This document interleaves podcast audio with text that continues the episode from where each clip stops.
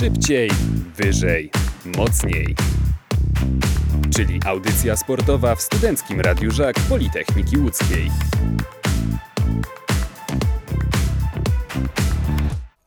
18.40 słuchacie Studenckiego Radia Żak Politechniki Łódzkiej, audycja szybciej, wyżej, mocniej, a my już teraz porozmawiamy sobie o reprezentacji Polski, o ostatnim e, okienku reprezentacyjnym, a ze mną już e, największy specjalista od reprezentacyjnego uniwersum w naszym radiu, Adam Glinkowski, z którym utniemy sobie pogawędkę płynną niczym Cezary Kulesza z prezesem Albańskiej Federacji Piłkarskiej na Stadionie Narodowym. Cześć Adam. Cześć, słyszymy się? Dobrze? Tak, mniej więcej. Trochę, trochę jeszcze tak z oddali, jakbyś był gdzieś daleko, nie wiem, w jakiejś Tiranie na przykład, w Albanii, ale już słyszę, że dziewczyny trochę cię podkręciły, więc myślę, że będziesz głośniejszy. Powiedz, e, jak w ogóle, jakie, jakie w ogóle towarzyszą ci przemyślenia, e, wrażenia po tym, co zobaczyłeś podczas tego zgrupowania?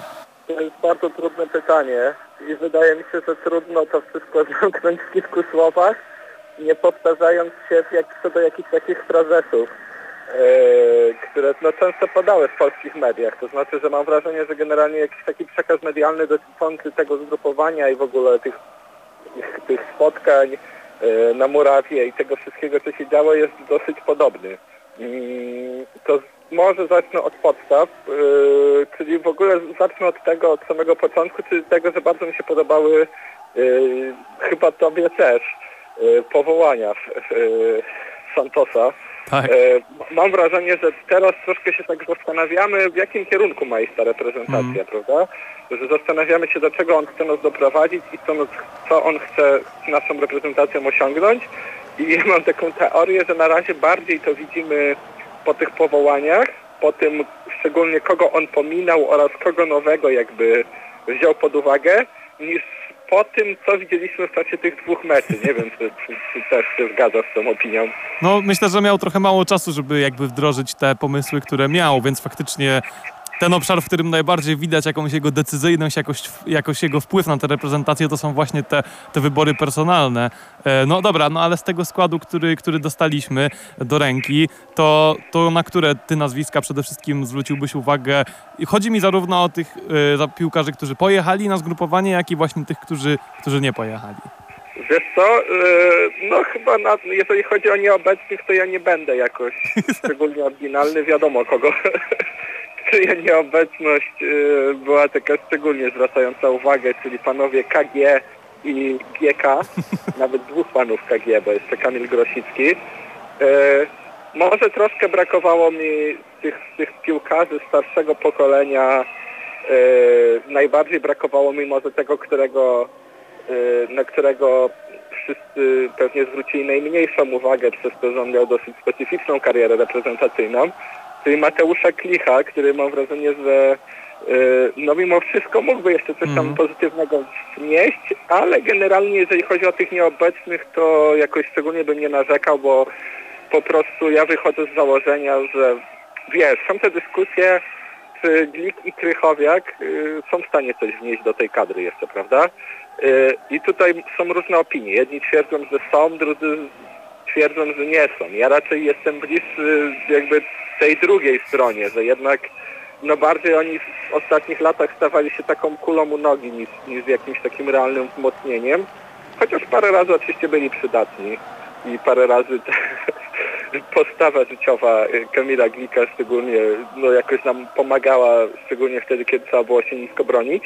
Natomiast ja też podchodzę do tego, do tego w taki sposób, że trochę ta dyskusja mm, nie ma sensu o tyle, że po prostu jakby docieramy powoli do punktu, w którym po prostu nie da się już na nich liczyć. To znaczy, że oni po prostu są już w takim punkcie swojej kariery, w takim wieku, że nawet gdyby, gdybyśmy uznali, ok, oni się jeszcze przydadzą, oni nam jeszcze coś pomogą, to mam wrażenie, że to się może bardzo łatwo wykrzaczyć, bo na przykład tak jak teraz Kamil Glik ma kontuzję, yy, albo no wiemy na jakim poziomie intensywności gra Grzegorz Krychowiak, albo też wiemy w jakiej lidze gra Kamil Glik, więc uważam, że no skoro mamy taką grupę, jaką mamy i mimo tych początkowych turbulencji, to nie jest jakaś grupa, która powinna nas zabić, e, no to warto chyba zacząć takie zmiany wprowadzać dzisiaj niż na przykład za dwa zgrupowania czy trzy, czy tuż przed euro, bo, bo możemy się obudzić e, no w takiej nie do końca korzystnej sytuacji, kiedy się okaże, że te zmiany trzeba wprowadzić nie dlatego, że chcemy, tylko dlatego, że trzeba to zrobić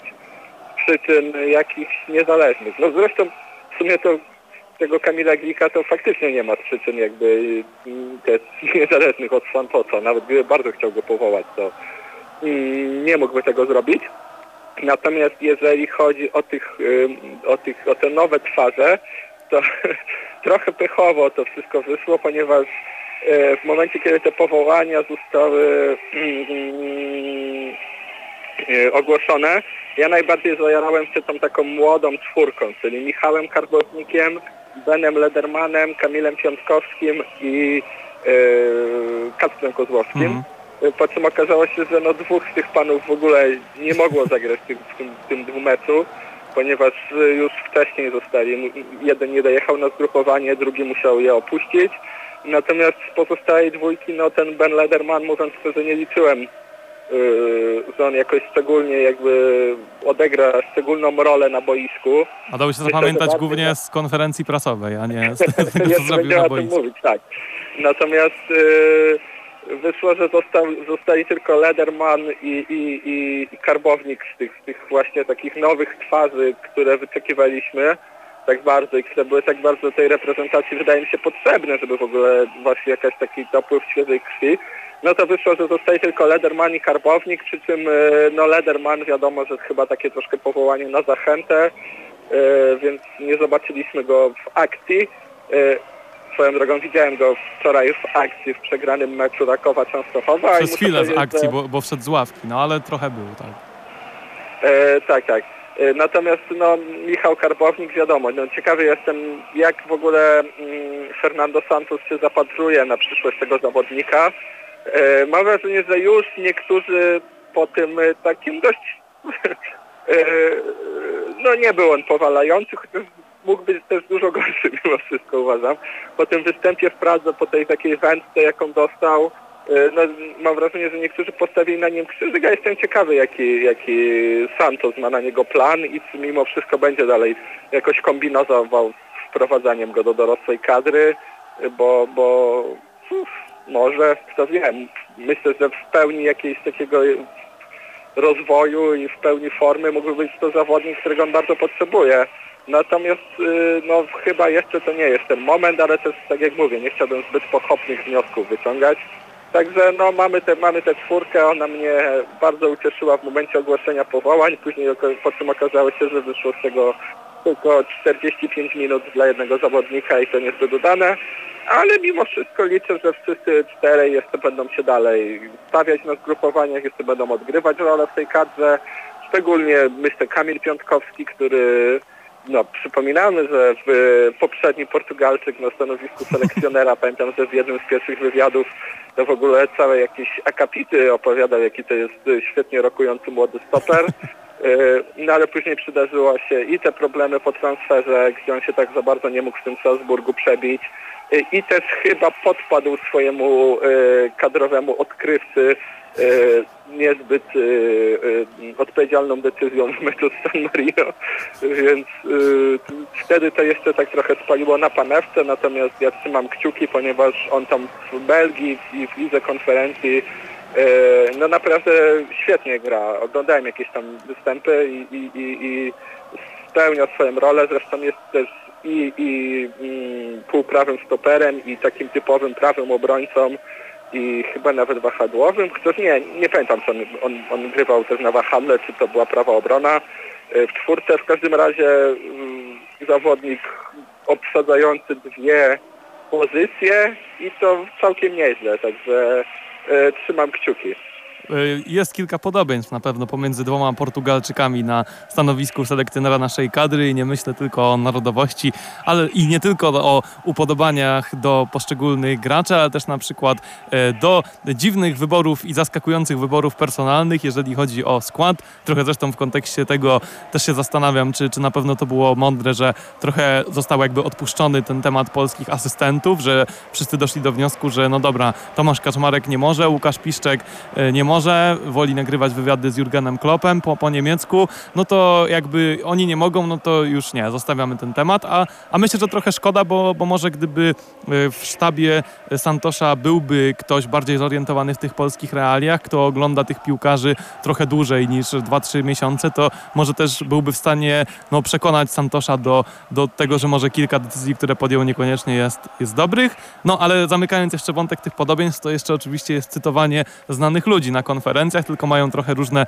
upodobania, bo u Paulo Souzy to był oczywiście e, no, dzisiaj ważna postać, Jan Paweł II, a, a u Fernando e, Santosza e, Michael Jordan się pojawił na, na konferencji. No. tak, faktycznie.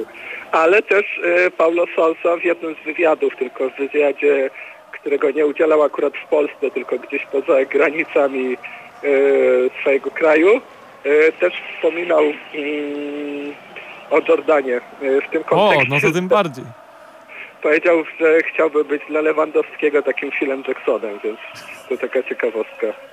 Czyli podsumowując y, to, co mówiłeś o, o tym, co, co wiemy w tej chwili o, o kadrze Fernando Santosza, to twoje zdanie jest takie, że jak, jaka ta kadra Santosza będzie? Czyli, czyli przede wszystkim odmłodzona, tak? To jest twój, twój pierwszy wniosek, a drugi to, to właśnie też bardziej odkrywająca młodych, bardziej nieoczywistych, bardziej ofensywnie usposobionych piłkarzy. Jak, jak ty to widzisz, jak, jakie, jakie wnioski ci towarzyszą, jeżeli jakieś w ogóle mogą? Bo, bo też wydaje mi się, że nie możemy na razie też, tak jak, tak jak też zauważyłeś słusznie, za dużo po tych dwóch meczach powiedzieć sensownego o tej reprezentacji, bo to bardziej chyba było takie zderzenie Fernando Santosza ze ścianą, że, że wszyscy obserwowaliśmy, jak on się przekonuje, w co się wpakował, bardziej niż wszyscy obserwujemy to, jak on coś merytorycznie nam proponuje konkretnego, co on chce chce z tą reprezentacją zrobić.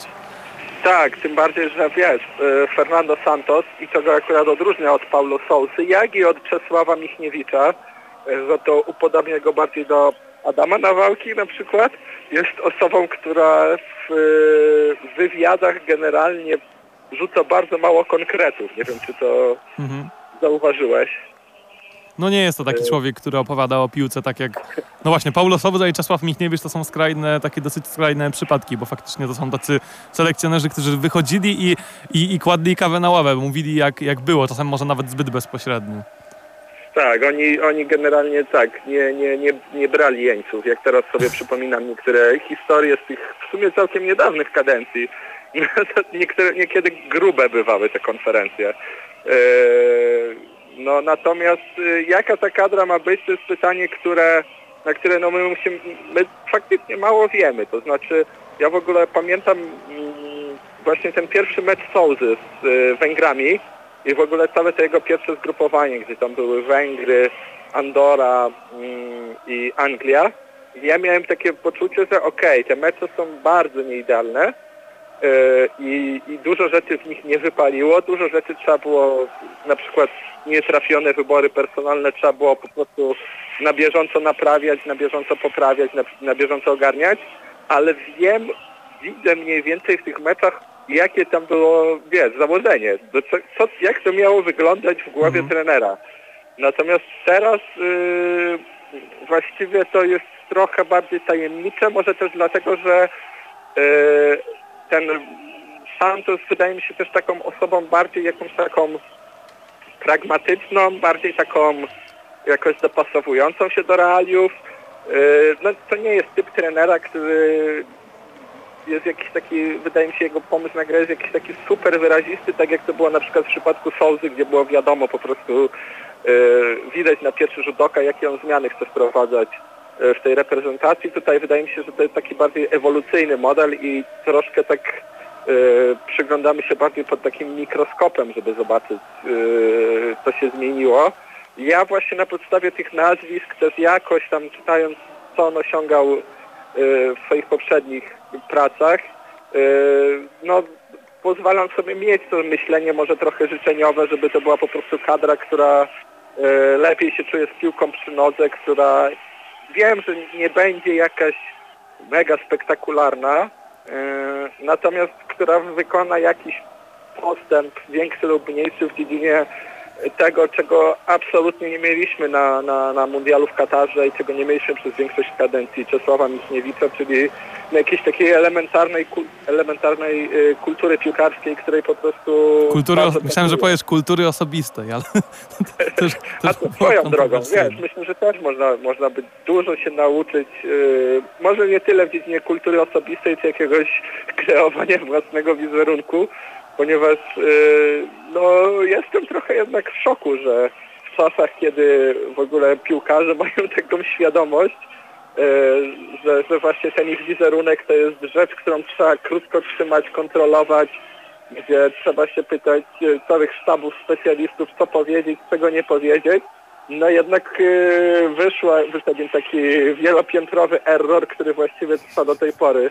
Jest to trochę niesamowite. Wydaje mi się, że po prostu na uniwersum polskiej piłki nie ma mocnych i, i pewnych rzeczy nie da się przeskoczyć. No tak, zresztą przecież te, to całe zgrupowanie, to, że przygoda y, Fernando Santosza zaczęła się od przeprosin Roberta Lewandowskiego, to też było ciekawe. Też chyba jeszcze czegoś takiego nie mieliśmy, żeby nowa kadencja zaczynała się od przepraszania za poprzednią i to takiego przepraszania z kilkumiesięcznym opóźnieniem. Myślę, że w każdym razie fajnie, że te przeprosiny się pojawiły. To jeszcze powiedz y, na koniec y, mm, o, o, o samej już piłce, o tym, co na samym boisku widzieliśmy. Jak ty patrzysz na, na te spotkania? Czy, czy, czy mecz z Albanią był faktycznie lepszy niż to, co zobaczyliśmy z Czechami, bo, bo tak wskazuje wynik, ale, no ale kurczę, no też jak, jakby spojrzeć na to, co się działo w tym meczu, no to tam naprawdę było blisko tego, żeby, żeby tych trzech punktów nie było. Mielibyśmy remis i też mam wrażenie, że optyka, odbiór całego tego zgrupowania byłby zupełnie inny.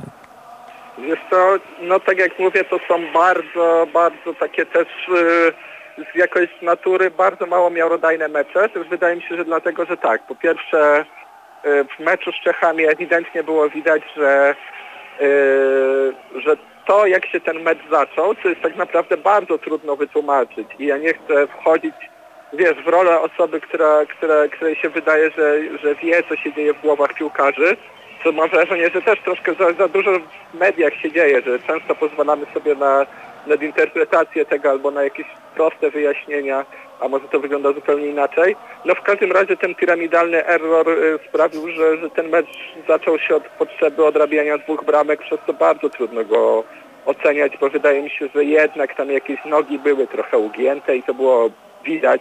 No zwłaszcza w tym e, kryzysie, tak, biorąc pod uwagę, jakie problemy ma ta kadra, to kiedy dostajesz takie dwa szybkie strzały, takie dwa szybkie uderzenia, to myślę, że też dużo, dużo trudniej się z tego podnieść. Tak, może, może w drugiej połowie coś się zaczęło z tego chaosu wyłaniać, ale tak bardzo nieśmiało i, i, i tak jakoś nijak trochę. Jeżeli chodzi o mecz z Albanią, to ja powiem szczerze, że ja w ogóle jestem, yy, jakkolwiek dziwnie to nie zabrzmi, trochę rozczarowany Albanią. To znaczy wszyscy pamiętamy ten dwumecz kadry Paulo Sousy z Albanią. Wydaje mi się, że dobrze. Gorący, tak, bardzo. Tak, musimy, musimy go pamiętać, bo pamiętam, że nawet audycję wtedy o tym prowadziliśmy chyba yy, przed czy po którymś meczu z Albanią. Yy, I ja zapamiętałem tę kadrę właśnie jako takie typowe, takie bałkańskie diabełki, taką kadrę, która właściwie to było spotkanie dwóch drużyn, które są takie, nie należą do jakiejś czołówki piłkarskiej Europy zdecydowanie, no co prawda jesteśmy 40 miejsc w rankingu nad Albanią, ale e, wydaje mi się, że, że, że, że jednak obie można by było gdzieś mniej więcej zaliczyć do jakiejś szerokiej klasy średniej. E, ale obie takie właśnie ambitne, obie bardzo takie ofensywne, troszkę takie romantyczno-straceńcze. I to faktycznie był taki dwumecz, gdzie dużo się działo, gdzie ci Albańczycy byli tacy no ja miałem wrażenie, że oni są tacy wszędobylscy i bardzo zdeterminowani i bardzo yy, po prostu grający tak, jakby nie mieli nic do stracenia. Mm, a tymczasem no też, oni przecież też teraz przeszli zmianę trenera, yy, też mają zmiany w kadrze. My graliśmy teraz w poniedziałek drugi mecz za kadencji Santosa, oni grali pierwszy mecz za kadencji Silvinio przez to też y, miałem wrażenie, że ta Albania w porównaniu z tym, co zapamiętałem sprzed półtora roku i była taka jakaś troszkę pozbawiona tego zęba. Trochę taka, oni tam oczywiście trochę faulowali, trochę tam rozpychali się łokciami momentami, yy, jakieś tam kontry czasem wyprowadzali, ale mimo wszystko ona nie była jakimś takim rywalem, yy, była łatwiejszym rywalem niż ja bym się spodziewał przed tym meczem na podstawie tego, co zapamiętałem. No, szczególnie tam parę nazwisk też chce przewijać gdzieś w Serie A, to, to nie są ogórcy, prawda? E, a tymczasem ona wypadła jakoś tak dość nijako i generalnie e, zastanawiałem się, ja bardzo lubię używać jakichś takich muzycznych porównań, kiedy mówię o piłce nożnej i piłkarskich, kiedy mówię o muzyce. I w tym przypadku ten mecz z kojarzył mi się z taką absolutną po prostu muzyką z windy, która gdzieś tam gra i jest taka bardzo nijaka i, i nie zaprząta głowy. Wydaje mi się, że, że przede wszystkim no, no, rażąca jest ta jakaś taka nasza, nasz jakiś taki brak komfortu w tym, jak się czujemy mm, z piłką przy nodze i ten jakiś taki brak komfortu, kiedy trzeba podejmować decyzje trochę nieszablonowe, trochę bardziej takie yy, na większym ryzyku, ale jest też takie, które mogą jakoś faktycznie przynieść jakieś przełamanie, jakieś przyspieszenie, jakieś zmianę dynamiki yy, i tak dalej, i tak dalej. Tymczasem to wszystko było takie bardzo bezpieczne i był to w sumie trochę taki generyczny mecz piłkarski, jakby wygenerowany przez sztuczną inteligencję, której daje tak to zadanie. Teraz, tak. Stworzyła mecz dwóch średnich europejskich drużyn. Więc yy, no takie były moje wrażenia. Na, na, na, pewno cieszę się, że Santos ewidentnie yy, wyciągnął wnioski z tego meczu z Czechami i troszkę tam poukładał jednak ten skład, dał, dał szansę Karolowi Świderskiemu, co zawsze się opłaca i warto, warto, żeby to, to sobie zapisać i, i, i, powiesić na lodówce przypomnienie, żeby dawać szansę Karolowi Świderskiemu. Yy, no i co? I, i generalnie no taki, taki, taki no nijaki mecz. Natomiast czekam na to, co nadejdzie. Powiem szczerze, że jestem, yy, mam taką cichą nadzieję, bo mówi się teraz, czego Cezary Kulesza oczywiście w swoim milczeniu wiecznym ani potwierdza, ani nie zaprzecza. Yy, mówi się o tym meczu towarzyskim z Niemcami i ja jestem trochę ciekawy, chociaż spodziewam się, że to może być lanie, E, nawet w meczu towarzyskim zobaczyć, jaką tutaj na przykład Santos będzie miał mm, koncepcję. Tak, tak, z, tak, z takim rywalem, tak, tak. Z rywalem, z takiego tak. poziomu. No faktycznie, w czerwcu e, ten mecz towarzyski jeszcze umawiany, bardzo możliwe, że Niemcy, e, Mołdawia w ramach eliminacji e, Mistrzostw Europy, no i wszyscy liczymy na to, że ta reprezentacja będzie jak najdalsza muzyce z winda, jak najbliższa temu heavy metalowi, do którego chce dążyć Jurgen Klopp którego Liverpool pokazuje na, na boisku ten heavy metal, chociaż nie wiem, czy akurat e, ty, trzymając się tych muzycznych metafor, czy, czy, czy heavy metal piłkarski jest tym ulubionym piłkarsko-muzycznym gatunkiem, do którego Fernando Santos chce, chce dążyć? Czy to nie jest bardziej jakieś takie leniwe fado portugalskie, nieśpieszne? Ale to temat na, na, na inną dyskusję. Jest skądinąd bardzo ciekawą piłkarsko-muzyczną. Kończymy, bo już e, za chwilę następni goście na, na naszej antenie 19.03, a o reprezentacji Polski opowiadał Adam Glinkowski. Jeszcze poczekaj, Adam, coś, coś, coś zacząłeś mówić, a ja ci przerwałem. E, to ja już się żegnam, dziękuję Ci za rozmowę i chciałem powiedzieć, że yy, śpieszę się do domu, ponieważ za jakieś dwie godziny niecałe będę oglądał występ najlepszego polskiego piłkarza Piotra Zielińskiego i tym optymistycznym akcentem chciałbym zakończyć yy, rozmowę. Polecam każdemu mecze Napoli, ponieważ jest to wspaniała drużyna i Forza Napoli. Z Milanem o 20.45 dzisiaj. E, będzie, będzie, będzie, oj, będzie ciekawie w tym, w tym spotkaniu. Adam Glinkowski, jeszcze raz e, dzięki. A na razie na naszej antenie, co na naszej antenie? Negatyw i na śmierć. Wracamy za chwilę. Szybciej, wyżej, mocniej. Czyli audycja sportowa w Studenckim Radiu Żak Politechniki Łódzkiej.